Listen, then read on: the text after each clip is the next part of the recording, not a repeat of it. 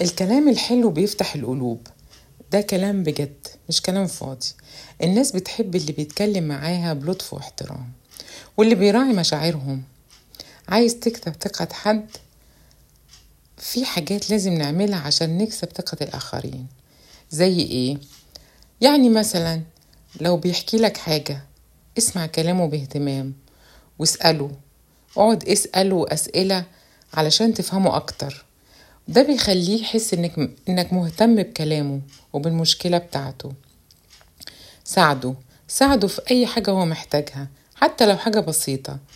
ما تسيبوش إلا لما يحس إن أنت عملت كل اللي عليك عشان تساعده.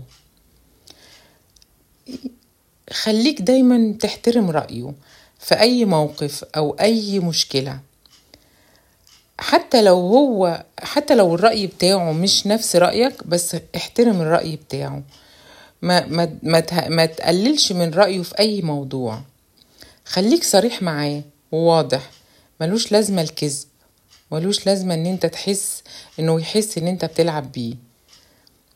دايما خليني متنازل عن حاجات بسيطة. يعني مثلا آه آه هو عايز ينزل وانت مش قادر. اتنازل حاجة بسيطة عشان تنزل معاه.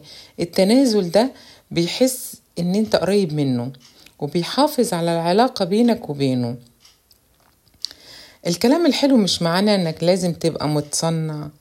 خليك طبيعي وبسيط وحسس الناس بحبك.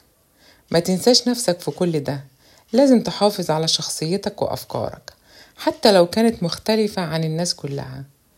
كسب ثقة الناس مش صعب بس خليك ناصح واسمع الكلام اللي أنا قلته لك وجربه.